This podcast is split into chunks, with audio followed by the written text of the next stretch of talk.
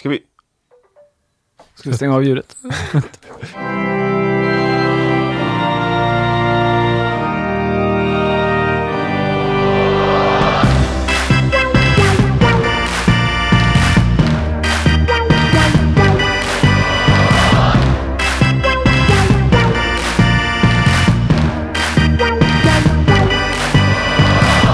Halleluja! Da, da, da, da. Nu tror ju alla att det är något speciellt idag. Ja, Det är det. det är det. Det är ju torsdag. Det är torsdag. Och det är podd-dag. Äntligen! Det Äntligen. var ju två veckor sedan sist. Och ändå ganska länge sedan vi hade ett sånt här st- ölstilsavsnitt. Ja, men det har blivit Ändå. någon emellan där. Ja. Precis. Sex veckor sedan. Ja. Ja. Oj. Aj, aj, aj. Så folk har inte bryggt nu på ganska länge för de har inte vetat vad man ska brygga. Just det. Alla vattenreserver är fyllda i Sverige. Ja, Ja. Så. Hoppas. Ja, nej, det är ju eh, så att idag är det återigen ett sånt här eh, ölstilsavsnitt. Mm. Då vi ska prata modern Porter och Stout, Mm. tänkte jag. Det ska bli spännande tycker jag Ja. att lyssna på. Jag- Har vi något annat att säga innan jag börjar eller ska jag bara sparka igång direkt? Eller? Ibland så, brukar vi ju knäcka en öl Ja, innan. Fan. Det kanske är det. Ja, Ska vi springa, det? jag kan springa och hämta någon uh, lyssnaröl kanske. Gör det. Ja, gör det. Gör det. Gör det. Jag kan ju säga det igen att vi får ju in mer öl än vad vi hinner testa tyvärr. Ja, så är det. Inte att vi får in dem men att vi inte hinner testa dem. Eller? Ja, Det kommer in mer öl än vad vi hinner testa Ja. i podden. Ja. Var det Sen sa du jag tyvärr men... Jo men det är ju tråkigt kanske för de som skickar in. Ja, jo. Att vi inte hinner. precis, det är inte precis. tråkigt att vi får öl. Det tråkiga är väl att vi inte hinner testa dem. Ja. Men vi tänkte ju vi skulle börja med det, kanske säga lite längre i förväg vilka stiltypsavsnitt vi kör. Kanske fyra veckor innan. Kanske i det här avsnittet så säger vi vilket det blir näst, alltså om fyra veckor. Ja, Så kan folk få en chans att hinna brygga, skicka in till det. Mm. Men vad sitter du med där? Två burkar säger jag att du har. Det är burkar alltså? Så. det är burkar. Ja, det är burkar. Eh, vi har fått en eh, hel låda med öl härifrån Ted Elmenheim. Vi kan inte prova alla, inte här och nu i alla fall. Men eh, vi kan väl ta någon i alla fall. Vi ska snacka om port och stout idag, så jag tänkte att det var passar bättre än en tysk pils. Ja, det låter bra. ja, ja, Golden Ale tog jag också fram här. Ska vi se om vi kan klämma båda. Men tysk pils är ju... Men där har man ändå en väldigt... Det känns som att man har en ganska tydlig, klar bild om hur man vill att en tysk pils ska smaka liksom. Den är Ja. ganska lätt att döma. ja. jag. Jag, och Magnus snackade faktiskt om det innan du kom hit idag, när vi höll på att bygga ihop studion. Jag har ju eh, jag har svårt att brygga det, så jag ser väldigt mycket fram emot att någon av er två tar tag i och köra det stil avsnittet någon gång på sikt, för jag behöver... eh, Det var framförallt förjäsningsgraden av problemet. Du Ja. får inte ge ut så lågt du vill eller? Nej, jag får ju aldrig, jag har liksom Nej. aldrig kommit ner på de här riktigt låga. Nej, men men alltså, det är svårt att få ner dem till under 10-10. Mm, Kommer jag ihåg att jag har haft förut också. Men Mm. i alla fall med 3470. mm. Det beror på vad man börjar på. Ja, man börjar 10-11. Ja. Ska vi smaka? Ja, det tycker jag. Det är ju eh, en otroligt god eh, ölstil, tycker jag. Nej, den är bra. Ja, Ja, jo, jo. Till skillnad från annan öl som när den är dålig är den fortfarande väldigt god. ja. Ja. Ja, men jag har fått några sådana. Du vet, eh, någon gång som jag... Något bryggeri som hade en... Eh, en eh, Dark Mild som var berättad. Det var ju inte meningen. Men det var, blev väldigt gott. Ja, rätt snygg öl här. Har vi skitiga glas? Ni Ja, jag hade faktiskt ett rent glas. glas. Ja, mitt eh, var lite skitet. Lägger man Det upp den var- här på Instagram så kommer man ju få då kommer Fredrik Berggren. Ja, Han kan vara på en. Men eh, speciellt det här ölpölenglaset eh, ska du väl Ja, ta då. In, ingår det sådana här smakkristaller Ja, automatiskt det i det glaset? Jag tror att det var inkorporerat. Ja, Ja. men prost. Ja, ska vi... Eh, Var väldigt snyggt öl. det är väl alltid bäst att smaka lite innan vi läser facit. Mm. Jag saknar lite besk om jag ska gå direkt på vad... Mm, ja, lite, lite. Mm. Jag håller med. Lite, kanske att jag hade velat ha lite mer så här sädighet också. Mm. I bästa fall. Väskan finns, den kommer nu ganska Mm. sent liksom. Mm. I stora hela eh, väldigt törstsläckande och lättdrucken öl utan direkta anbromsar. Ja, den är rätt mjuk tänkte jag säga. Ja. Den är ganska mjuk och behaglig att dricka. Liksom. Mm.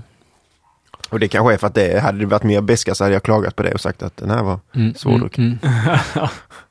Och snygg som sagt. Ja, då. då eh, jag kan kolla här lite vad han haft i. Han har haft eh, 90% pilsnermalt. Oj, sen har han haft eh, 5 eh, havre. Havreflingor. Ja, kände jag. 5 eh, vetemalt. Så ganska otypisk Ja, tysk lite pilsner ja, det? Ortodoxt. Faktiskt. Ja. Men eh, det tycker jag är lite kul när man Är lite- Ja. ortodox. För det pratade jag med en uh, snubbe som heter Hen eh, Henrik Hildemar. Finns Spång också hembryggare. Att han var på den här, vad heter det, NBCC något år. Och drack Oxbow heter de. Eh, ett sånt bryggeri som brygger en Italopils som han sa var helt grym. Och enligt dem så var hemligheten att de hade bovete i. Okej. Det är också ganska Mhm. otraditionellt. Liksom. Men att det var, gav liksom den här särdig smak liksom. Kanske Ja, det finns väl mycket olika ingredienser man skulle kunna testa och ha i Ja, faktiskt i ja. sina öl. Ja. Det har vi väl ett ämne för ett avsnitt kanske. Ja, nej, men jag kan väl inte säga någonting men att jag kanske tyckte att det var, nu har ni jag druckit upp min, men jag kände lite, lite, lite, lite, lite acetaldehyd. Mm. Eh, Men, men inte så att det liksom förstör hela smakbilden utan det, jag, jag har varit med om mycket större Mm. bomber i mina egna lageröl. Jag, eh, när, när, du, när du började nämna, komma till det så förstod jag det vad du skulle hamna i. För jag hade, jag hade Nej, men jag såg att han skrev att Ja. han ville veta om det fanns felsmaker i. Okej. Och, Mm. och, och, och då tänker jag att vi ska väl vara, ändå vara ärliga. Ja. Men, men det är ingenting, hade jag bara fått en kall så hade jag inte tänkt på det. Nu, nu satt du, jag ju och dömde öl igår Simon, så Mm. nu har man väl lite domarglasögonen på sig efter Mm. det. Liksom. Men, men, Jag kände det också nu när du sa det faktiskt. Äntligen, äntligen kan jag den. men det är som sagt var, eh, alltså det är ganska lite. Det kommer väl fram mer när det blir varmt liksom och kolsyran försvinner. Men, men ändå, så där första klunken så hittar man det väl inte. Men, men i det stora helet, hela du vet, en välbryggd eh, lageröl. Jag hade inte tänkt, den var ju ljus och jävligt snygg. Mm. Känner ni vete? skrev han frågetecken. Nej, Hur känner man vete? Eh, nej det gör man inte. Inte, inte, inte de nivåerna ska jag väl säga. Det, är- Mm. Nej, hur smakar vete? ja, det är väl hem Väldigt lite ska jag säga att smakar. Ja. Ja. Eh, och gästen kan jag nämna var W3470. Ja. Han har gäst under tryck. Mm. Ändå finns kallt, eller? Eh, För det är ju trendigt att jäsa varmt. nej, det är ju en, jag antar att detta är, han har skrivit här, det finns ju, det är sånt här, det är extremt mycket information, det är sån här Beersmith. Men en till två dagar 16 grader, två till sju dagar 16 grader med 1,8 bars tryck. Så att allra, precis i början så kör den utan tryck då. Mm. Och sen eh, tryck och sen 7 till 10 dagar 21 grader. 10 till 12 grader. Eh, 10 till 12 dagar 3 grader. Men han hade ändå den alltså, höga tempen de första dagarna, eller? Ja, också det.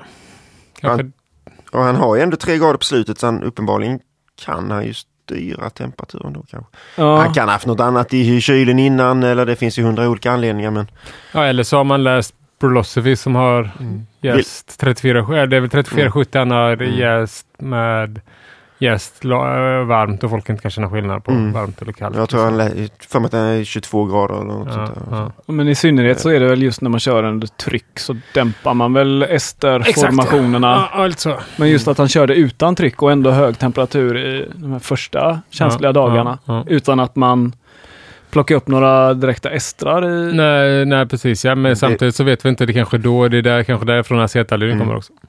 Ja. Uh, är därifrån. Gött. Jajamän. Ja, eh, ska jag kicka igång eller ska vi knäcka en till? Eller vi kanske kan knäcka en på slutet eller? Ja, vad tycker du? Ja, Det jag står ju där? det. Ja, vi Den tar en direkt. Vi tar en direkt. Ja. Det var en Golden Ale då. Golden Ale, precis. Lite, inte lika klar Det vill säga lite lätt dis. Jag ser den skummade ganska mycket Ja. Mm. och den är daterad till 30 januari 2022 står det. Några månader då. Ja, ett par månader. Mm. Vänta lite. Vi väntar lite. Mm. Jag såg hur du fyllde lungorna med luft för att börja Eh, säga För att prata om amerikansk stout.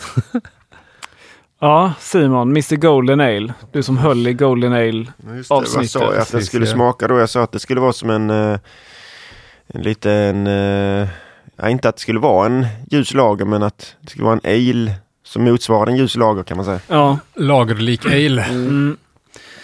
Det var lite mörkare än Mm. vad våra var. Den är också ganska mjuk och rund. Är lite låg kolsyra tycker jag. Ändå så skummar den väldigt mycket när man häller upp den. Med mycket slagsförlut då kanske.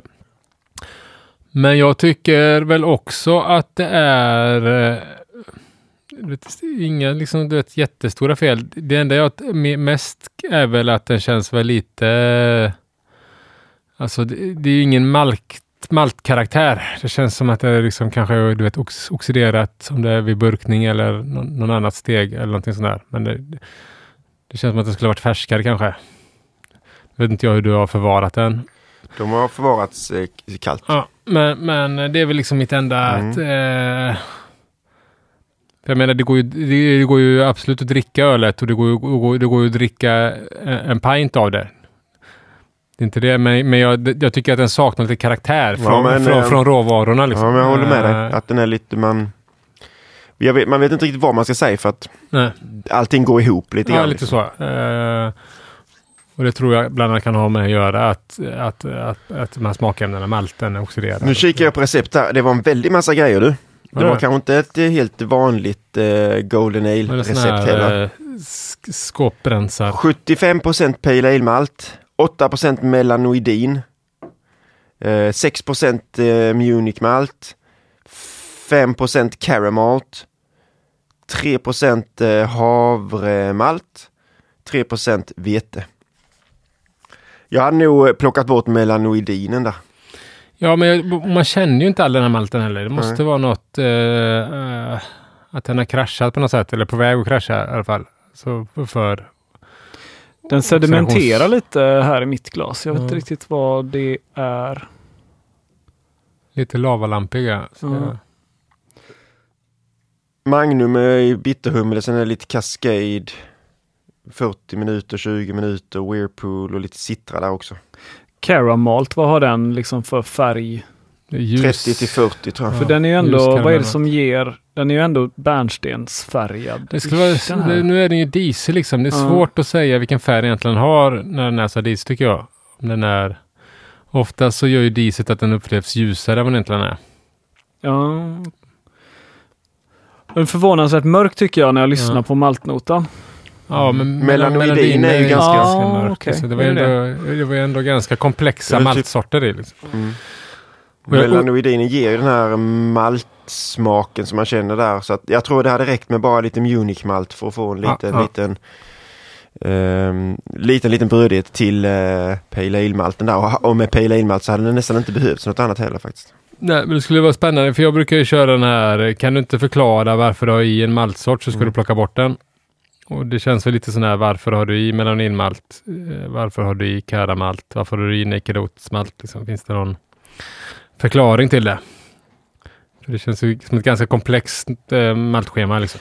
Det du menar är att det hade blivit en bra öl ändå. Ja. För det är inte att den blir dålig på grund av. Nej, nej. Men det kan väl bli också. Men det det ska, ju kan vara en det ju lätt, bli, det men- ska ju vara en lätt öl Ja, också. Det ska ja. ju inte vara så komplex. nej, Liksom. nej. Det ska vara en ganska tydlig öl. Jag tyckte ändå liksom att det var en trevlig öl. Ja, Ja, alltså, ja, absolut. Det har vi ju sagt absolut. också att Det- den var ju... det- Jo, men nu sa jag det med. Ja, Ja, ja.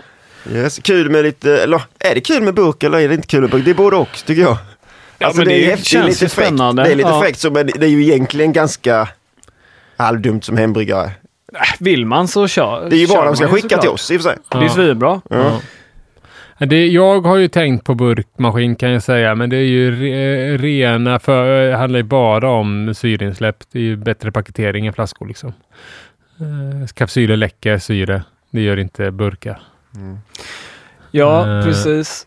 Så det är väl det enda jag tänkte. Men när de, vissa av de där jävla eh, riktiga Lodo-idioterna, nu är jag ju du vet, långt ifrån en riktig Lodo-idiot. För de Mm. riktiga Mm. Lodo-idioterna, de förvarar ju sina flaskade flaskor i corny kegs som de har tryck på. Ja, men, Eh, ja. Då fattar ni. Och det där är jag liksom inte än. Men ni fattar. Med, med, och, och, där, och, och bland liksom eh, Alltså riktiga Lodo-folk, då är det burk som gäller för Lodo, Lodos skull. Liksom. Eller Mm. hålla borta syre. Mm. Jag snackade med eh, ett Göteborgsbryggeri som skaffade en egen burklina för ett Mm. tag sedan som sa att eh, visst, de får högre syreinsläpp vid burkning än vid flaskning.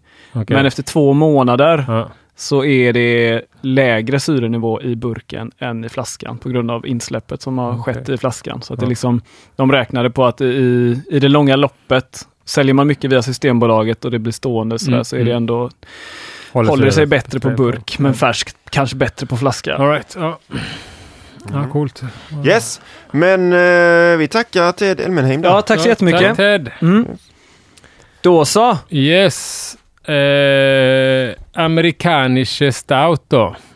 Modern. Eh, modern ja. Men jag Porter kommer stout. väl eh, framförallt kanske ändå eh, fo- fokusera med att jag har bryggt en stout till dagens avsnitt så kommer jag kanske kanske prata mest om stout. Mer än Porter. Porter. Ja, Mm. tror jag. Ja. Men skitsamma. Men eh, varför då har jag valt den här? Och det har ju egentligen bara med att jag var ganska sugen på något jävligt rostat. Hemma var länge sedan jag bryggde liksom mörkt och, och rostat.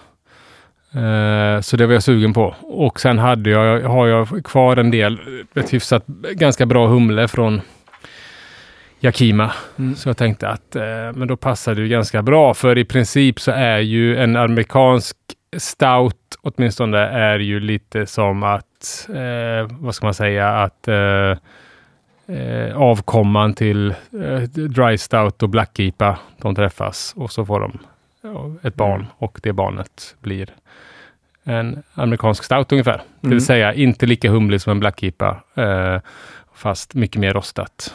Eh, och lite starkare då. Mm. Det är väl liksom grundteorin bakom hur en, hur en eh, amerikansk stout smakar i alla fall. Mm.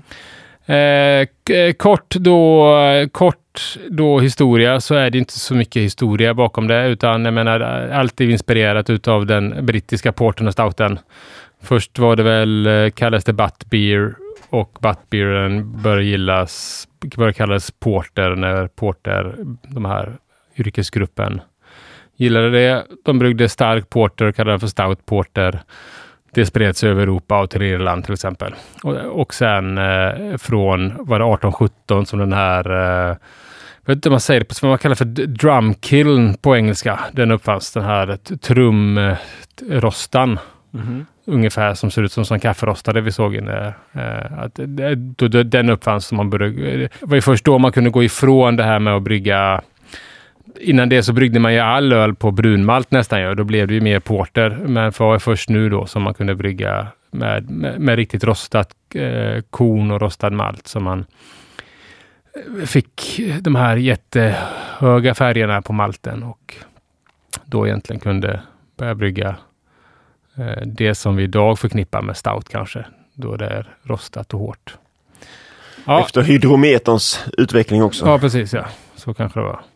Men i modern tid, då, om vi pratar amerikansk stout, så bryggdes den första eh, moderna stouten bryggdes 1978 i USA av ett bryggeri som hette eh, New Albino. De la ner redan 1982. Men i samma veva där, eh, några år efter, eh, så bryggde ju Senevada sin eh, stout. Och det sägs ju vara den första ölen som Ken Grossman bryggde, var en faktiskt eh, en stout helt enkelt. Amerikansk stout då. Och även New, Albino och Sierra var ju kända för att använda då amerikansk humle liksom i, i, i sin öl liksom. Och var lite så halvmoderna helt enkelt. Men så det är en ganska liksom eh, gammal ölstil liksom. Eh, men idag så är ju ölstilen nästan helt utdöd. Liksom.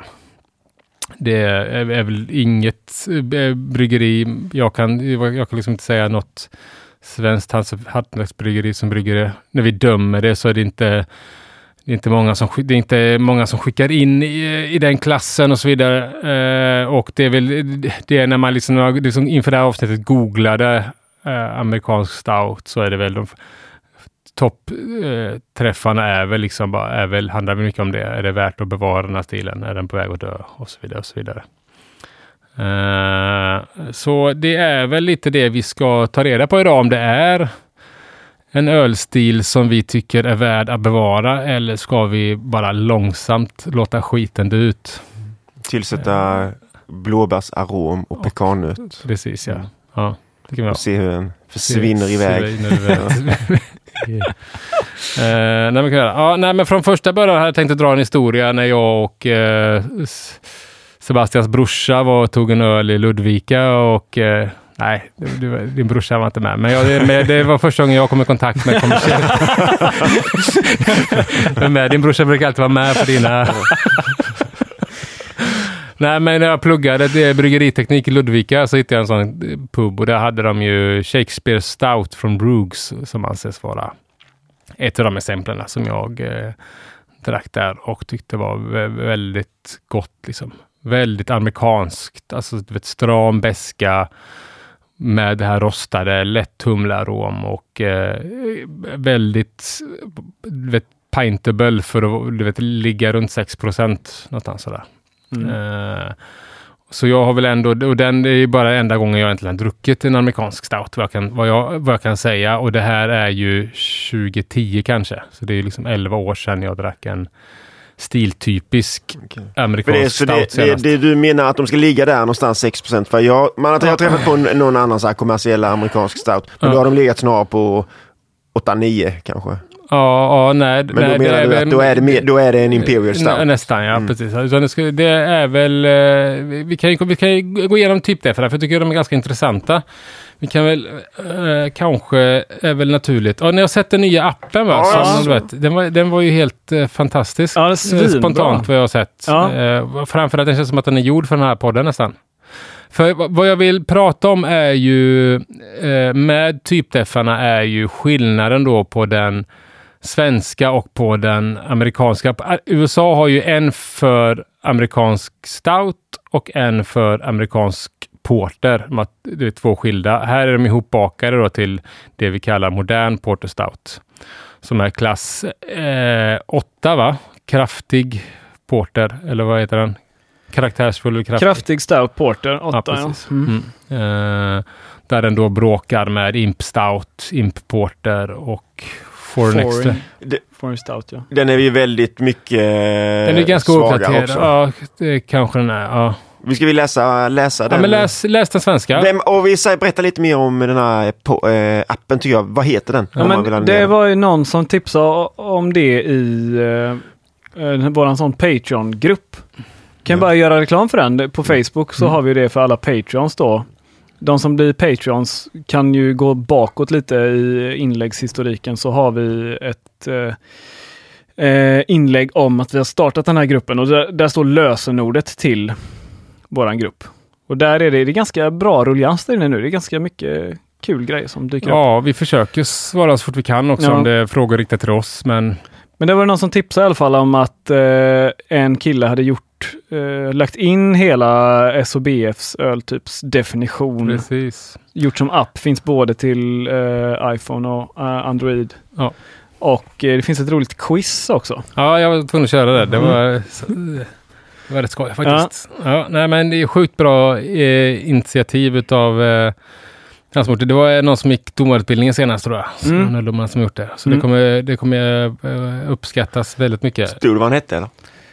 Ja, det stod vad han hette när... Men jag kan kolla det. Eller han har inte bett om att vi ska, att vi ska outa honom. Nej. Han har gjort en app men han vill inte att någon ska använda den. Jag kan kolla upp det här då.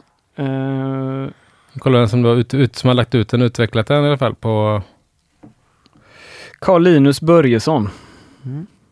Bra gjort. Mm. Bra. Carl Linus Börjesson. Men jag drar datan då till att börja med. Eh, ja. OG 1048 till 1063. FG 1010 till 1022. ABV 4,8 till 6,2. IBU 30 till 40. EBC 80 och uppåt. Det ska vara mörkt med andra ord. Eh, öl i den här stilen är oftast överjästa, men underjästa varianter kan förekomma. Färg, utseende. Djupt mörkt rödsvart. Kraftigt skum är viktigt. Bouquet arom. Torr, lätt bränd och rostad. Tydlig till kraftig doft av aromhumle. Smak. Initialt en maltig karamell och chokladsmak med en tydlig beska i avslutningen. Både mjukare och mer skarpbrända varianter tillåtna. En viss syrlighet kan anas men är inte nödvändig. Fruktestrar överskuggas av malt, beska och brändhet. Ingen eller lite diacetyl. Tydlig till mycket framträdande humlekaraktär, ofta av amerikanska humlesorter, men alla nobla varianter tillåtna. Munkänsla medium kropp. Förebilder då. Jämtlands Porter. Sierra Nevada Porter. Sierra Nevada Stout. Måste bara säga en grej om den här typdeffen. Eh, Ja. Det finns ju inga av de här eh, bör, ska, kan. Den är väldigt eh, bred. Det är, Ja. det det är väl nästan bara humle som det står att det ska vara. Liksom. Sen kan det vara lättbränt och det kan vara mycket bränt. Tydlig till kraftig doft av aromhumle står det, men man, Ja. man, man saknar ju lite de här eh, eh, orden. Ska- Vokabulären där. ja. Men vad tror ni av, av att liksom lyssna på de här typdeffarna? Går det att brygga eh, en, du vet, stiltypisk porter, modern porter stout eh, utan att torrhumla? Tydlig till kraftig Det doft ska ju av vara mycket humle så att det är väl rimligt att man torrhumlar den tycker Ja, jag. det skulle jag nog säga också. Ja, ja. Ja, väl det jag vill komma till. För, för de amerikanska typdeffarna eh, så är det ju tvärtom.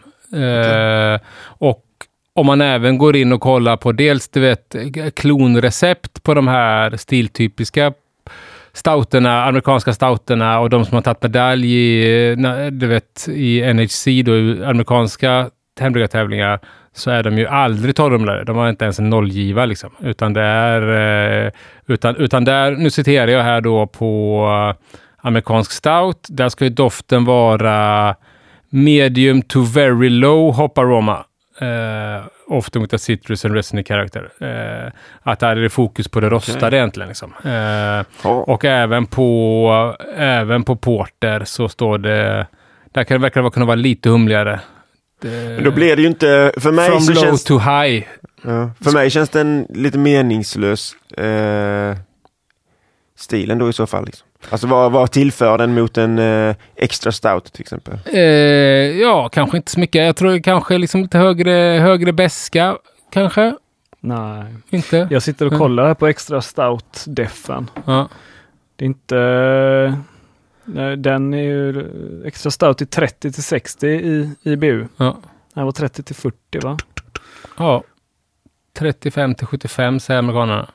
Ja. i beska, men ändå liksom att det ska finnas humle, men den ska vara låg till. Och, men det är väl så jag uppfattade liksom, eh, mitt minne från Shakespeare Stout. är Det är ingen, det är ingen jättehumlig eh, öl, men det är det som är skillnaden liksom, på att läsa den amerikanska och på, på den svenska. Jag tror att man hade liksom jag tror inte, jag tror nästan man måste torrhumla för att få bra poäng på den svenska. Och jag tror du inte kan torrhumla för att få bra på den amerikanska. Eh, Låter ju så, det brukar många gånger vara tvärtom. Att det är mer humle i de amerikanska. Varianterna. Ja. Eller, men nu tänker jag bara på typdeffarna. Ja. Ja. Eh, På stilarna så är det ju är det någonting man förknippar med. Att det ska vara amerikansk humle. i. Och det ska det ju vara här också i sena givor. Liksom. Det ska ju vara fokus på de här C-humlorna. Men det ska inte vara i de mängderna eh, som det framstår enligt SOBFs typdefinitioner. Men om man tar eh, som i, i svenska där, Jämtlands Porter till exempel, den är ju inte jättehumlad ändå. Nej, det är ju inte Sierra Nevada Porter, väl senaste Mm. jag drack den också. Den är inte heller jättehumlad. Eh, är väl en av dem jag har, eh, jag har druckit utav portrarna. Amerikansk stout som sagt var ju jättelänge sedan jag... Men du menar att skillnaden kanske bara är valet av humle då? nej, nej, jag vet inte. Jag känner väl lite att de har eh, lite gått om varandra. Och det kan ju vara så också att få att, att när de skrev, skrev typdeffarna, då var den här ölstilen redan död.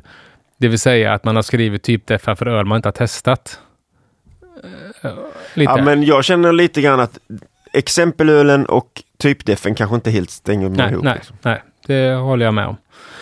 Men eh, de amerikan- har vi några andra exempel på amerikansk stout då, så, så tycker ju BICP då att Avery's Out of Bounds, Bells Calamasso Stout, The Shoots Obsidian Stout, Sierra Nevada Stout, Trillium Secret Stairs. Vissa, Calamasso, vissa av de här har man ju liksom hört, eh, eh du vet, när man varit ute på nätet och sett Och i Man har varit på nätet och lyssnat lite så man har hört det. Precis, ja. Ja. Calamasso och eh, i alla fall och eh, den här Obsidian Stout Shoots har också hört talas om. Liksom. Men men, eh, skitsamma. Eh, nu är vi ju, nu bor vi ju i Sverige Ja. och tävlar på svenska. Eh, men, men. Men man måste inte tävla. Okej då. Ja, då är ju frågan hur man då brygger en amerikansk stout kommer jag prata om nu, för att det är det jag har bryggt. Eh, det är klart att det går att eh, tweaka in det här lite på porter också, men, men eh, jag kommer framförallt prata om eh, hur jag har bryggt en amerikansk stout och eh, vad jag tror att man ska göra för att brygga en bra amerikansk eh, stout helt enkelt. Så vi börjar väl eh, nästan från början. Vi börjar med malten. Eh, och basmalt då, det är väl eh, inte så jäkla noga. Använd valfri basmalt. Liksom. Det går att brygga med pilsner, det går att brygga med pale ale malt, det går att brygga med marisotter. Man kan ju, brygger man med pilsner, då kan man ju kanske slänga i lite Münchner-malt eller någon annan sån där för att eh, det får en viss komplexitet i, i, i malt, maltstödet, få lite maltigare stöd helt enkelt. Men bara 10 nyfiken, till 20 procent kanske. nyfiken fråga innan du går vidare här. Utgår du från något annat, liksom någon annan typ av stout när du gör det här? Eller är det en liksom helt unik maltbas för dig? Eh, nej, att det är väl ganska... För mig blev det ju ändå nog ganska likt liksom. Jag menar, det är klart, om, du, om man pratade med, om man jämför med en dry stout liksom, så kommer man kanske kanske känna igen sig. Alltså en dry stout behöver man väl bara eh, alltså ljus basmalt, rostat korn och kornflingor. Sen är du hemma. Ja men det är ju bas, det är grunden. Ja, ja. Mm. Sen så kan man ju sväva ut, men, men, men det är väl den röda tråden. Och De, de tre grejerna har jag ju min stout kan jag säga. Mm. Alltså jag har eh, basmalt, jag har rostat korn och jag har kornflingor. Mm. Eh, och sen så har jag lite annat smått och gött i. Mm. Som blåbärsarom och... Mm. Har du gjort sån här ektinktur igen? Nej, jag tänkte tanken då, ska jag så vidda göra? Nej, men jag tänkte, nej, folk är trött på så vidda nu. Ja, det kommer i det sous vide-avsnittet sen. Ja, det gör det. det, gör det. När vi är sponsrade av någon sous vide. Sous vide-företag. Ja, ja, ja, men skitsamma. Men då... Förlåt, jag avbröt. Du sa 10-20 procent. Eh, eh, 10-20 procent Münchenmalt om man kör pilsner kan man ju ha, även om man har pale ale-malt. Men någonstans där. Är, du vet, inte för mycket, inte för lite. Lite någonstans mittemellan. Karamellmalt kan man ha i. Det är inte nödvändigt, skulle jag säga. Och ska man ha det så passar jag för de du vet, mörka eh, karamellmalterna, Dark Crystal och sånt där, liksom, som ger lite russintoner. Utan då är det liksom hyfsat ljusa runt, alltså eh, jag använder mig utav eh, typ 3 har jag haft i utav Crystal T50. Mm. Mest för att jag blir glad att jag hittar en påse med Crys- Crystal T50 hemma. Och det är ju, det är ju Sierra Nevadas husmalt lite. eh, Så jag tänkte att det har de säkert i sin för att det är deras malt. Tänkte jag. Eh, kornflingor hade jag i då, 10, 8 ungefär hamnade jag på. Men runt 10% är ju inga konstigheter i en stout. Eller vad säger du Simon? Stoutmästaren? Eh, nej det är absolut inte. Och sen så kommer vi in på den stora frågan då. Eh, svartmalt eller eh, rostat korn. Mm. eh, what's the difference? Och eh, varför och hur och så vidare. Eh, och eh, alltså mycket, mycket recept, om man går ut och kollar liksom på amerikanska kloner, recept och sånt där, så visar det sig att ganska många använder sig utav alltså det man på engelska kallar black patent malt, alltså rostad, eh, eh, rostad svartmalt. Så jag tänkte vi bara skulle du vet, prata om skillnader. Det är lite olika tillvägagångssätt. Rostat korn är ju som det heter, omältat korn som man kör i en sån här eh, rostade, då som vi eh, sa förut, på 230 grader. Och sen så kör man den där lite, lite eh, tills den har fått den färg man vill ha eller den rostningsgrad man vill ha helt enkelt. Men allt från 4 till 6 timmar ungefär. När man gör rostad, eh, alltså svartmalt, då, då går, utgår man från pejlermalt. Som man bara kastar in och sen så kör man, kör man den då. Man brukar blöta dem innan man rostar dem och sen så rostar man på samma sätt till önskad, till önskad färg då helt enkelt. Eh, det är liksom tillverkningsskillnaden. Liksom. Och kollar man då på vad Breeze skriver så säger de ju att ja, skillnaden bland annat blir ju att eh, det här, jag tror vi har pratat om det förut, men det färgskummet, rostat korn ger mörkt färg, svartmalt ger mindre mörkt skum till exempel. Gamla hedliga färgskummet ja. Ja, precis. Mm. Skummet. Inte tvärtom. Sa du? Inte tvärtom. Nej. Nej. Eh, inte Vad sa du? Precis.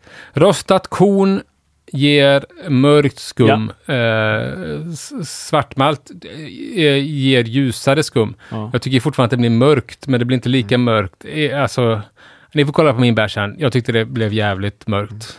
Och jag tänker, Guinness har ju ett väldigt vitt skum. Det har de, ja, precis. Ja, de, de har rostat korn. Men samtidigt har de ju, är det ju ganska utblandat. Jag vet inte, jag vet fan. Men du fattar, det är ju ganska lågt OG på den. Ja, jo, det är ju en svag öl. Ja. Men, men. Eh, men då, de har läst några sådana här, eh, bland annat två sådana artiklar som han Brulosophy har gjort om Marshall. Med de här, han, vet, han bryggt samma öl. Eh, då, han har bryggt, han bryggt ingen stout, han har bryggt två gånger han har bryggt eh, porter. En gång amerikansk och en gång brittisk porter. Ena gången använt svartmalt, andra, eller använt svartmalt och rostat korn då. För att se ifall folk känner skillnad på de två ölen. Och det gör de inte i hans triangeltester då. Liksom. Eh, sen så om det liksom är facit, det låter jag inte säga, men det säger i alla fall någonting. Att, att det ger kanske inte sådär jätte, jätte... Du behöver kanske inte, du vet, ligga sömnlös eller beställa en säck med svartmalt ifall det rostade kornet var slut på en kilos paket och sånt. Liksom. Ja, det är väldigt mycket min uppfattning också. Ja. Att eh, ibland blir det Carafa 2 special och ibland ja, blir precis. det Och de kommer vi in på senare också, mm. just Carafa specialgrejerna. För, det, för de är, för, för, för vad man däremot läser eh, Alltså, det var nog mer så förr, men då fanns det liksom en stark avsky mot svartmalt bland amerikanska hembryggare. Att den gav liksom eh, det, det, man kallar för askfatskänsla, liksom, att det var liksom väldigt eh, askfatigt. Eh, men det har inte så mycket med svartmalten att göra, utan det, enligt han eh, Martin Brungard som gör det här vatten, så, så är, är ju det att du kan få de smakerna ifall du har dålig koll på pH. Liksom. Att det är ju en ölstil som det är ganska bra koll på pH. Har du, har du liksom för lågt har du för lågt pH så kan du få de smakerna helt enkelt. Att det handlar mer om att de personerna som tyckte det har inte koll på sitt vatten och eh, inte har koll på pH. Eh, så, så, det är inte så, eh, så jävla noga. Men jag tycker väl ändå, jag använder mig av rostat korn. Eh, och eh, jag använder mig, vill man ha, det är klart att man kan använda för karafa special och sånt där, det är ju svartmalter eh, de är ju dihask då för att det är väl hasken som kan ge lite kärvhet och sådär. Uh, och det kan man ju absolut använda, men i den här ölstilen så ska det ju ändå vara rostat. Så jag hade inte kört du vet, allt i Carafa. Då tror jag det blir för kanske lite svartipa nästan. Det blir något, Fast det eh, beror ju på hur mycket man tar. Jo, jo, okej okay då. Kanske det gör liksom. Det kan bli jäkligt eh, rostat. Liksom. Ja, det kan det väl bli, men men ändå. Men, men äh, ligger du där, äh, alltså om man pratar om rostade, jag har i 16 procent, äh, fast jag har i 8 procent svartmalt och 8 procent brunmalt.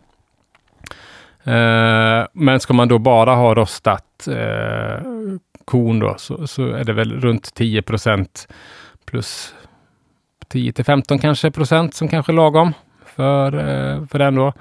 Och eh, ligger man på den nivån eh, så, så vet jag fan om man skulle byta ut allt mot, utan det kan nog vara bra att behålla några procent rostat korn eller svartmalt för att få en tydlig, eh, tydlig rost, rostighet helt enkelt. Liksom.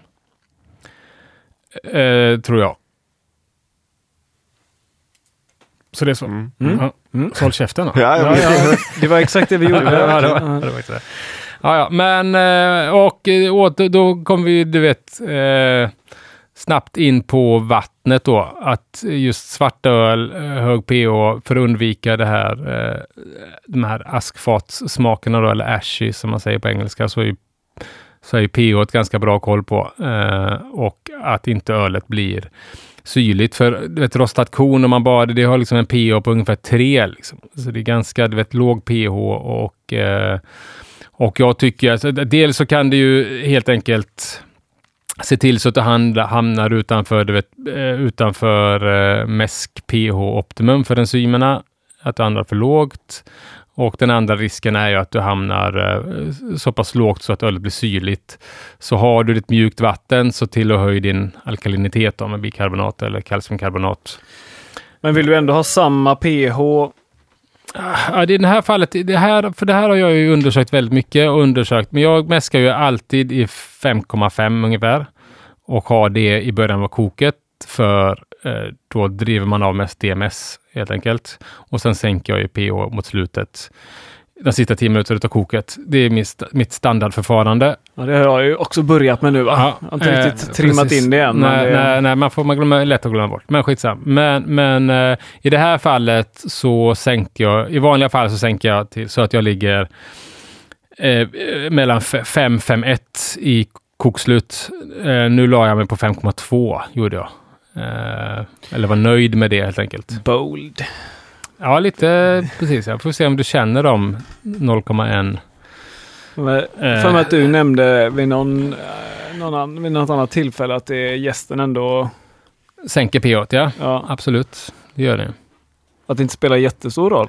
Eh, nej, ja, precis. Ja, det har jag sagt några gånger. Men det kanske har någonting med något annat att göra också. Jag vet inte, det är väl med organiska syror och sånt. Lyssna noga här nu, för nu berättar Magnus att det kanske har någonting kan... med något annat att göra. Så nu jag kan ner det så att, då, så att ni lär er det. Ja, ja, ja. ja, ja. Men... Eh... Men skitsamma. Och, vatt, och sen så kan man väl kanske, det är ju en maltig eh, öl, det kommer upp där runt vet, OG 10, eh, 1060 så är det ju ganska mycket maltsmak ändå, så man kanske inte behöver bygga en vattenprofil som gör det ännu maltigare, utan eh, det är ganska stram beska. Så lägg på något hyfsat balanserad eller öka sulfathalten lite om ni vet att ni kommer stanna högt. Liksom. För det ska ju ändå vara en öl man kan dricka stora klunkar av och eh, tycka gött. Liksom. Eh, så det kan vara bra idé att höja sulfaterna lite. Har du någon preferens när det gäller just data på den här? Den här är ganska bred, bred eh, tillåten FG. Eh, ja, jag gick ju lite på vad jag var sugen på. Mm. Eh, och jag brukar vara ganska sugen på torra öl. Okay. Men nu tänkte jag, nej men nu ska jag göra, gå lite tvärtom vad jag brukar göra. Så jag mäskade relativt högt. det vill säga jag mäskade i 68 grader. Mm. och det resulterade i att mitt öl stannade på tusen, jag, kan, jag, kan, jag vet inte om jag vill säga det här nu, jag kanske ni vet att ni ska bli, inte bli biased utav ölet sen. Nu vet vi att den stannar ganska högt. Ja. Mm. ja, men då säger jag det. Men den stannar på 10, 10 17, 10, 18. Mm. Och jag brukar ju liksom inte gilla öl i vanliga fall som du vet, mm. de ska ligga helst under 10, 10, men medan men, men, jag, men, jag, jag, upplever att den inte, den smakar inte så, så sött mm. som den gör för att jag har ganska stram väska. Det är mycket rostade, det är mycket mm. things going on. Mm. Uh, men uh, så jag är ganska glad att den ändå hamnade, stannade på, den, på de uh, siffrorna. Liksom, gjorde jag. Mm. Yes. Eh, och gästen då, så är det ju väl inga konstigheter, utan det är väl, det står ju inte så mycket om gästsmak och sådär, men, men eh, US 05, VLP 001 har jag kört. Och är det någon ölstil som man verkligen kan ha vilken gäst som helst tänkte jag säga, så ja. känns det som att detta är den. Ja. den. Den ska smaka rostat och humle, den ska inte ha gäst, ska bara göra jobbet. Liksom. Ja, alltså. Stod det något om fruktestrar i defen eller? Fruktestrar överskuggas av malt, ja. beska och brändhet. Och sen så tycker jag ju att det är viktigt att få svarta öl, eh, blanka, klara eller vad ska jag säga. Men, men eh, du vet, eh, eh för att ett eh, svart öl ska bli riktigt snyggt så ska det vara eh, klart liksom. Och Ja, det fint blir- tycker jag. Det blir brunaktig. Ja, blir det blir lite O'boy-toner blir det liksom. eller avlopp eller vad fan som helst. Nej, men jag tycker väl att det är, är Många kan tänka tvärtom, att det spelar ingen roll, det är svartöl. Men det, det ser inte bra ut med, eh, med eh, disiga svartöl. Eh, vill ni testa mitt öl? Ja, eller ska vi ta något av Ted, Teds öl istället? Fan. Nej, jag vill Nej, vi jättegärna. hämtar det. jag, har, jag har ju inte bryggt Nej, nej, nej. till idag. Så. Yes. Ja, Då kör vi.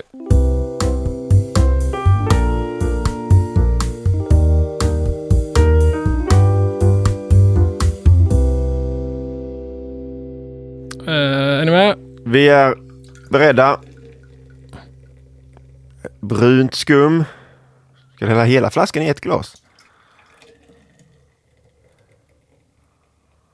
Ja, det blir lite mycket i era glas här.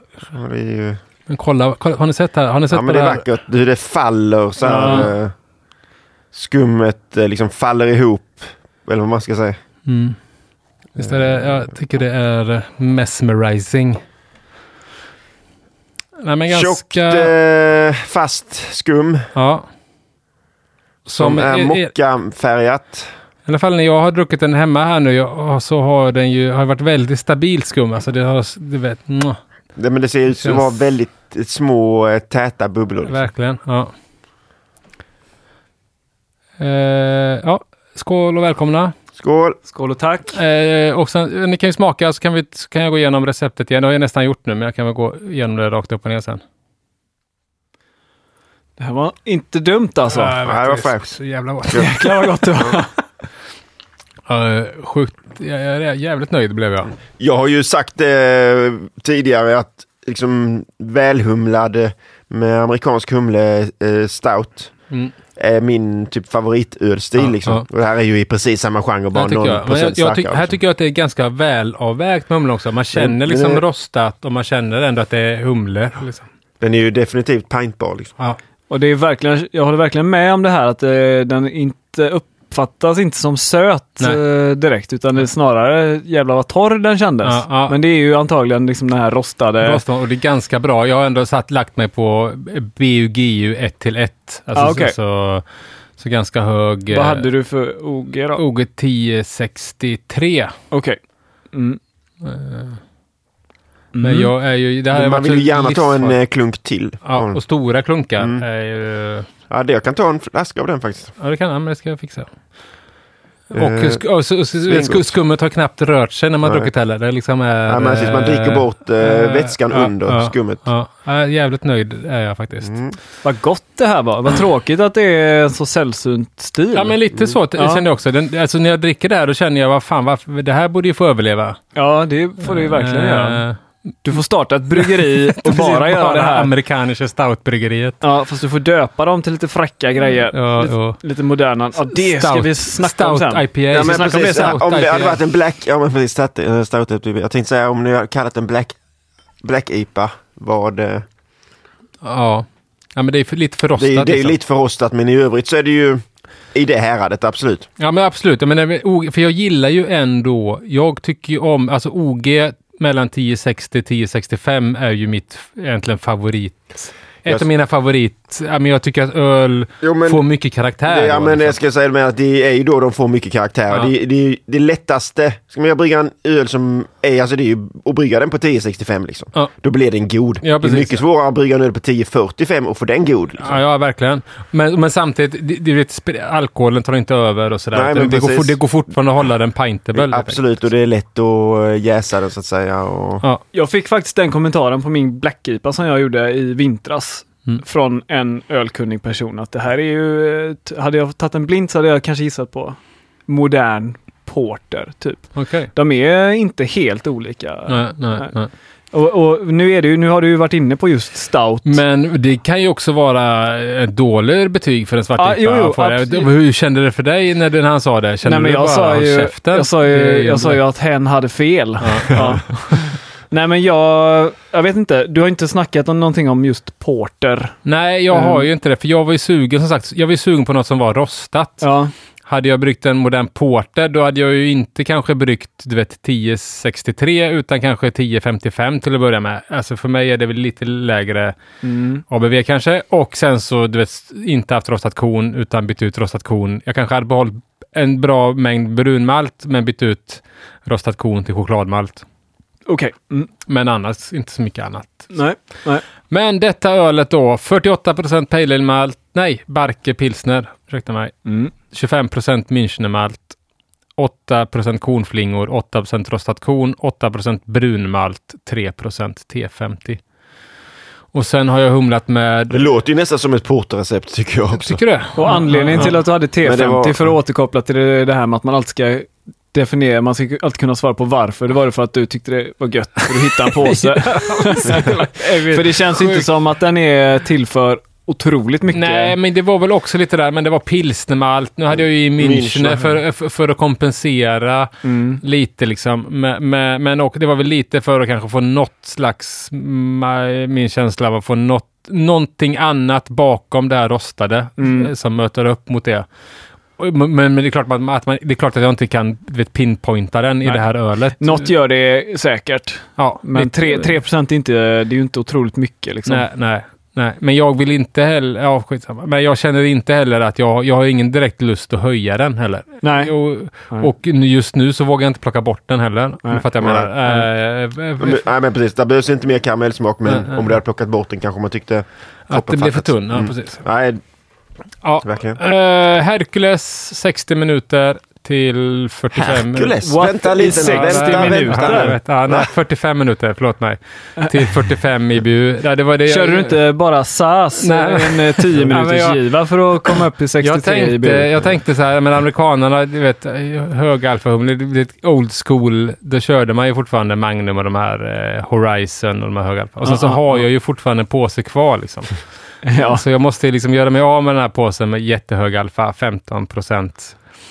Eh, så jag tänker, ja, men det, i den här ölen kanske det inte spelar stor roll. Jag tror att det är mer viktigt med det här, det, här humletänket med låg alfa i mer delikat öl som lageröl till exempel. Mm. är min teori i alla fall. Jag köpte en påse Magnum senast idag Ja. faktiskt. Ja. Och eh, sen har jag då Centennial Chinook, en gram per liter i fem minuter. Eh, en gram utav varje, fem minuter. Och sen hade jag Centennial Chinook, en gram av varje i Whirlpool. Och sen så eh, tänkte jag nöja mig där. Men sen så då tänkte jag, vet, ja, men typ det, säger ju ändå humle, så fan, jag ska nog ändå torrhumla den, tänkte jag. Så då gjorde jag det. Eh, med eh, eh, Simco. Jag hade tänkt att köra vidare med Centennial, men den höll fan inte kvaliteten alltså, kände jag när jag eh, doftade på den. Eh, så jag, jag hade jätte, jättebra Simco istället, Mm. som jag dunkade i två gram på. Och Simco har jag kört i dry start förut. Det är liksom, Simco är en sån klassisk humle som funkar bra. Jag tror, jag tror inte att den här, med den här ölstilen och torrhumla, då tror jag man ska hålla sig till klassikerna. Man ska inte köra, du vet, Nelson, Mosaic och nu gjorde ju du det i din svartdipa. Men jag, Jag, har kört jag, mosaik i dry stout också som jag tyckte blev väldigt god. Tycker du? Okej. ja. ja. Men kanske mer de här sötunga citra Jag vet en humlesort liksom. man ska hålla sig undan från. Just det. Sabro. Sabro, okej. ja. To be continued. Okej. okay. ja. Nej, men det var, och sen så jäste jag då, eh, så två gram per liter torrhumle med i två, tre dagar. Eh, I 21 grader torrhumle. Jag jäste i 17 grader. Eh, och blev, väl, det var länge sedan jag blev så här glad av en öl jag bryggt. Fattar ni? Man, man känner att men det här kan jag faktiskt eh, bara stå och dricka rakt upp och ner utan att du vet, eh, koppla bort så mycket. Sen tycker jag att den är jävligt snygg också. Eh, Ja men eh, du eh, lovordar dig själv men är med all rätt för det var en fantastiskt Ja, god tack, öl. Simon. Och Ja, vet du vad Magnus? Nej, Ingen svavel. det är inget svavel. Fantastiskt. Fantastiskt. Ja det var ja, men skål på er då. Tack så mycket. och helt my cup of tea dessutom. Det kändes som att du fick eh, precis till det du var ute efter. Ex, exakt, det var lite det jag kände också. Att fan, det var precis exakt det här jag var, jag var sugen på när jag stod där och eh, gjorde receptet. Ja. Det blev... Eh, det blev, jag kände att jag liksom absolut bryggargehör på något sätt. Ja, ska vi ta min eller? Ja, nu testar vi Simon. ja, men Simon. Ja, jag måste ha ett glas här bara. Ja, ska vi se. Du sa att du vill ha rostat. Kommer det mer rostat här tror jag. Eh, den här, när jag skulle hit idag så insåg jag att eh, min öl stod på jäshink. Det är så jävla getto. Så att jag fick eh, ta, eh, ta, tog en petflaska med en liten petadapter på. Tryckte ihop flaskan, fyllde med kolsyra, släppte ut och tryckte ihop flaskan igen, fyllde på med kolsyra igen. Gjorde väl det tre gånger så att jag verkligen skulle ha så lite luft som möjligt kvar i flaskan. Därefter tog jag en slang från jäshinken.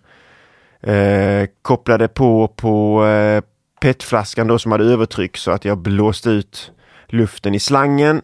Och det pyste ut genom eh, kranen och sedan så när det var slut där så tappade jag över öl ifrån jäshinken till min petflaska ungefär två tredjedelar.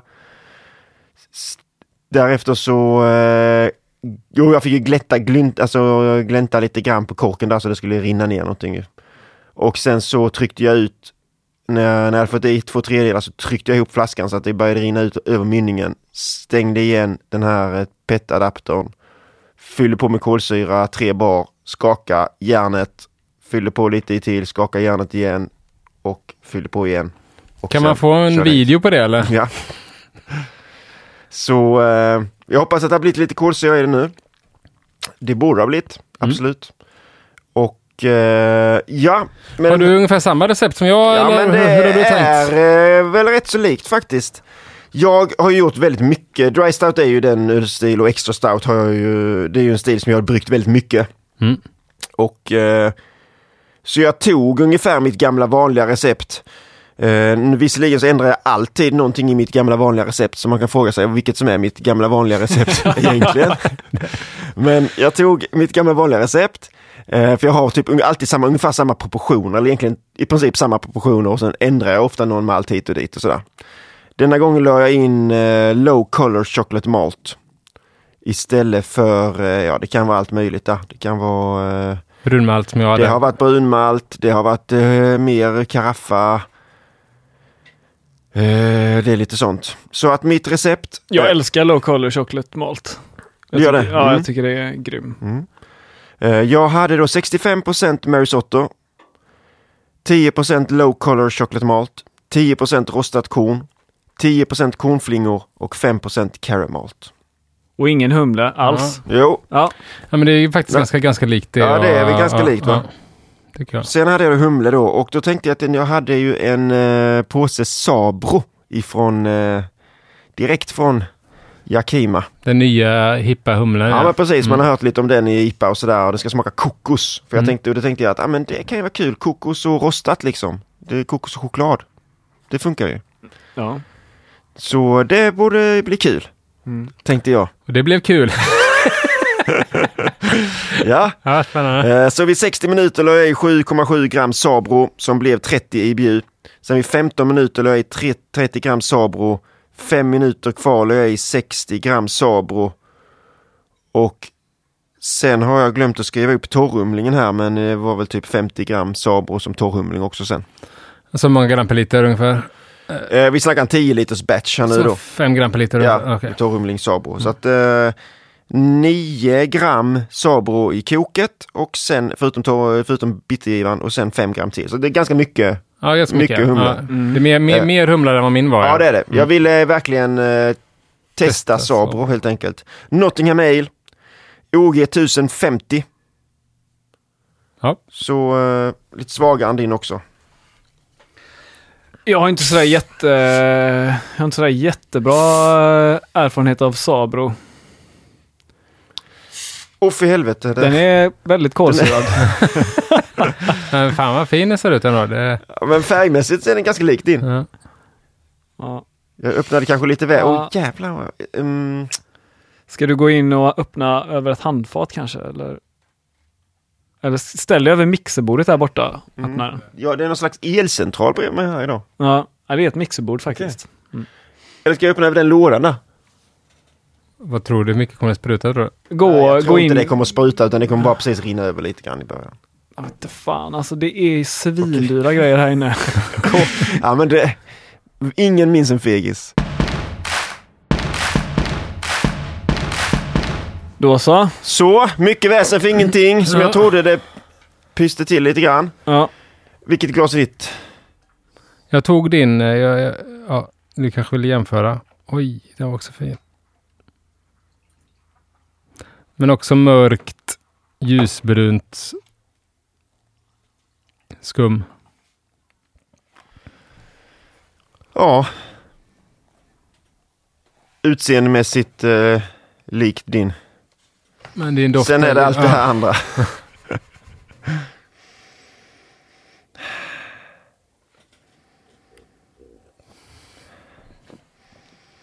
Beskriv doften på den.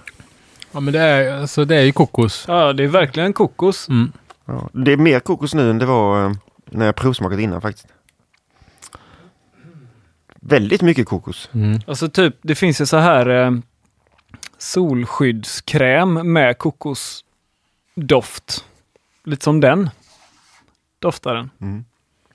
Ja, nästan lite arti- artificiell. Doftar mer kokos än kokos. Men det doftar ju inte som när du slår upp en kokosnöt liksom. Nej, nej. Men det är ju inte helt, det är inte jättefel liksom. Det, det, det enda man har svårt med, det, det är svårt att känna att det är humle. Alltså, fattar du vad jag menar? Det är, inte, det är inte en doft man förknippar med humle.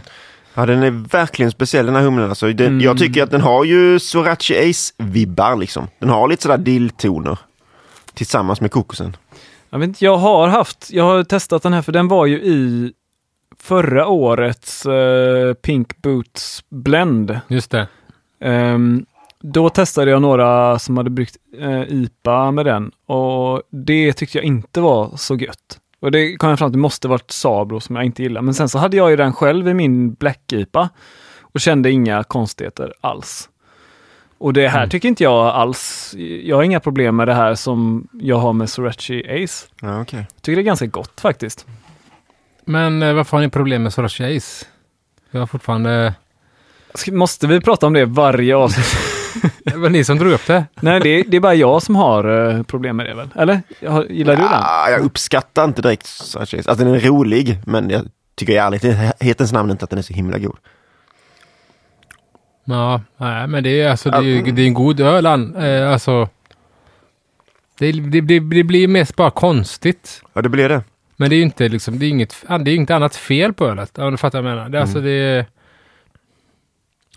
Nej, men jag kanske vaskar här ändå. för jag faktiskt. menar, det konstiga är ju att, att äh, min är ju torrare med två gram. Nu är min väldigt, äh, väldigt, min är bara två veckor gammal. Men att den, eh, min doftar ju ändå mer humle än vad din gör. Men antagligen är det väl bara för att man, man inte är van vid den här doften från humle. Fatt, fattar du vad jag menar? Ja, att, ja, jag, skulle, precis, jag, skulle, jag skulle inte beskriva det som att din har mer arom egentligen. Den, den har mer humlearom. För Ja. att den här aromen förknippar man inte med humle. Nej, exakt. Jag tycker, jag, jag tycker det här är gott alltså. Det, jag, Det står du för. jag står för det och jag skulle nog vilja säga att min preferens är att eh, Sabro ska vara i mörköl. Okej. Okej. Har jag lärt mig nu tror jag. Mhm. För jag har aldrig ju, druckit en ljus öl med Sabro som jag gillat. Och nu har jag druckit två mörka då, med Sabro som jag ändå tyckte om. Okej, ja. Jag tycker den får, jag tycker, jag, så som du tänkte tyckte jag det blev alltså. Alltså mörk Ja. öl, lite så här rostade men också lite chokladtoner för det får man ju Ja. verkligen från den här low color chocolate. Ja. Så Ja. tänker jag, det finns ju i alla din asken finns det ju någon sån här eh, Kokoskräm. kokoskräm fylld Mm. choklad. Lite den känslan får jag. Mm. Så jag Jo, tycker det det- var... Ja, men kanske Bra. det var inte... Ja, den, Det är ju också, bättre. den är ju också chokladigare med. Frågan är hur det hade funkat i en vet, eh, hårdare rostad. Utan man hade skippat eh, chokladgrejen liksom. Kört med kaffegrejen. Mm. Ah, Ja, det vet jag inte. Ja, men det... det är ingen som vet det. Ja, men fan, det var ändå två stabila bärs vi hade med oss idag. Ja, det tycker jag absolut. Mm. Inget att skämmas över. Nej, nej, men vad Nej. skönt vad var snälla ni är. Ja. Jag tycker bara det var så konstig. Men, eh, men eh, börjar eh, samsas med nu. Mm. Det är ju ofta så i början, någonting som blir riktigt bra till slut, det är ofta någonting som är lite på tvären i början. Liksom. Ja. Så, eh, Men hörni, för jag har ju en plan här. För vi ses ju på söndag igen. Ja. Eh, och då är min plan och jag kommer nog ha, eh, försöka ta med min sån här eh, jättegoda moderna stout på ett, ett sån här partyfat tänkte jag. Eh, om Ska vi berätta varför vi ses på söndag? ja, då är det ju den stora spårvagnsturen genom stan. Episka. Den Episk. episka, Ja. precis. Ja. Eh, det episk kommer det vara. Eh, ska vi vara utklädda? Nej. Nej. Simon som svartalf. Ja. Ja, varför inte? Ja, nej, men eh, det blir ju den stora och, och eh, då tänkte jag att men det kan vara fan vad gött att ha med Mm. och ha med något som vi har pratat om sen innan. Liksom. Jag tror att de är min 17-procentiga kvadrupel. Det var uppe till spårvagnschaffisen. Ja. Jag tar eventuellt med något som vi ska prata om om någon månad. Okej. Vi får se. Ja. Mm. ja, nej men det ska vi i alla fall bli trevligt och Mm. åka spårvagn. Och ni, Det ser jag fram emot. den lilla klicken som hänger med, eh, ta med er någon god bärs ni med. Verkligen. Ja. Eh, på tal om eh, nära vänner, åka spårvagn med nära vänner, ska vi eh, läsa upp några nya Patreons? Ska vi inte Ja, ta namn va? på... Jo, namnen! God damn, jag Ja. har noll. Ja, jag, är, jag tänkte på det lite grann idag men jag kom mest fram till att nej det går inte att hitta på Nej, namn men på det. s- scenen är din Sebastian. Ja. Ja. Synd att vi bryggde en modern stout nu då, för att jag har ju mest eh, riktat in mig på modern porter. Så? Ja. Men jag har ju, alltså approachen jag hade till att komma på de här geniala namnförslagen är ju att utgå från saker som är väldigt moderna. Saker som är i ropet, trendiga saker. Okej, som TikTok. Sådana saker ja. Ja. TikTok-porter. Va? Smart och kul. Ja, Men det har ju också tick i sig. Dock. Ja. ja. Nej men då en grej som är modernt, eller jag vet inte om man ska... Ja, vi får ändå säga att allt som jag pratar om är modernt nu då, eller? Allt, det är ju relativt. Ja, Ja.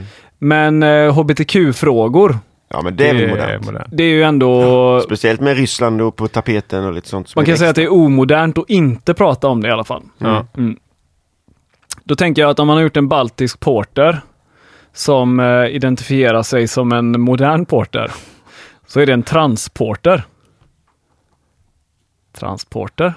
Hallå? Hallå? Ja, jättebra. Ja. En annan eh, modern grej. Eh, det, det, det här är ju alltid modernt. Men om man har gjort en porter som kan sia om det blir eh, sol, regn, vind och så vidare de kommande dagarna. Då har man ju bryggt en väderleksrapporter. Hallå? Ja. Ja. Ehm, en annan modern grej, det är ju sport. Det har bara funnits de senaste åren. Om man tänker eh, den här ganska plausibla upplägget att man fyller pingis, tennis och squashbollar med sin porter. Och sen utövar man de aktiviteterna som eh, de här bollarna är avsedda för. Och sedan tömmer man de bollarna i glas. Då har man gjort racketsporter. Den tyckte jag var bra. Racketsporter. Ja, ja, ja. Ja, ja. Och sen en grej som är så otroligt modern att den inte är uppfunnen än. Det det är ju att man, om man gör bryggt en porter som flyttar sig av sig själv från flaska till flaska, då har man gjort en teleporter. Oj, oj, oj. Ja, ja, ja. Tack, tack, tack, tack. Mycket bra. Geni. Tack, Ja. tack. Det har varit lite tyst några gånger nu. Ja, Så vi kommer ju Ja, tillbaka med ja, en verkligen. boom. Eh, jag har renoverat klart hemma nu. Ja. Nu kan jag lägga 20 Nej, timmar i men om veckan det på finns detta. något bryggeri som vill konsulta med namnförslag, Ja. Då vet Mm. ni vem ni ska ringa. Speciellt racketsporter tycker jag är ganska... mycket. Den är jag. riktigt bra. Den får man nu- från och med nu sno om man vill. Ja. Så det är bara att köra. Ja, jag gillar nog mest väderleksrapporter. Ja. Mest alltså. Mm. Ja, men det var bra. Ra- Väderleksrapporten Ja, Ja. skulle jag vilja. ja. Ja. ja, det var inte ett jävla stoutnamn där alltså. Nej men det var ju, man Ah. tömde den påsen lite Ja, det skulle det med Impstout när Simon ja. hade Imp Stout-grejen. Sant. Men det var ju, jag tyckte då, för att återkoppla till det avsnittet, så tyckte jag ju det roligaste namnet var eh, Imperial Scout.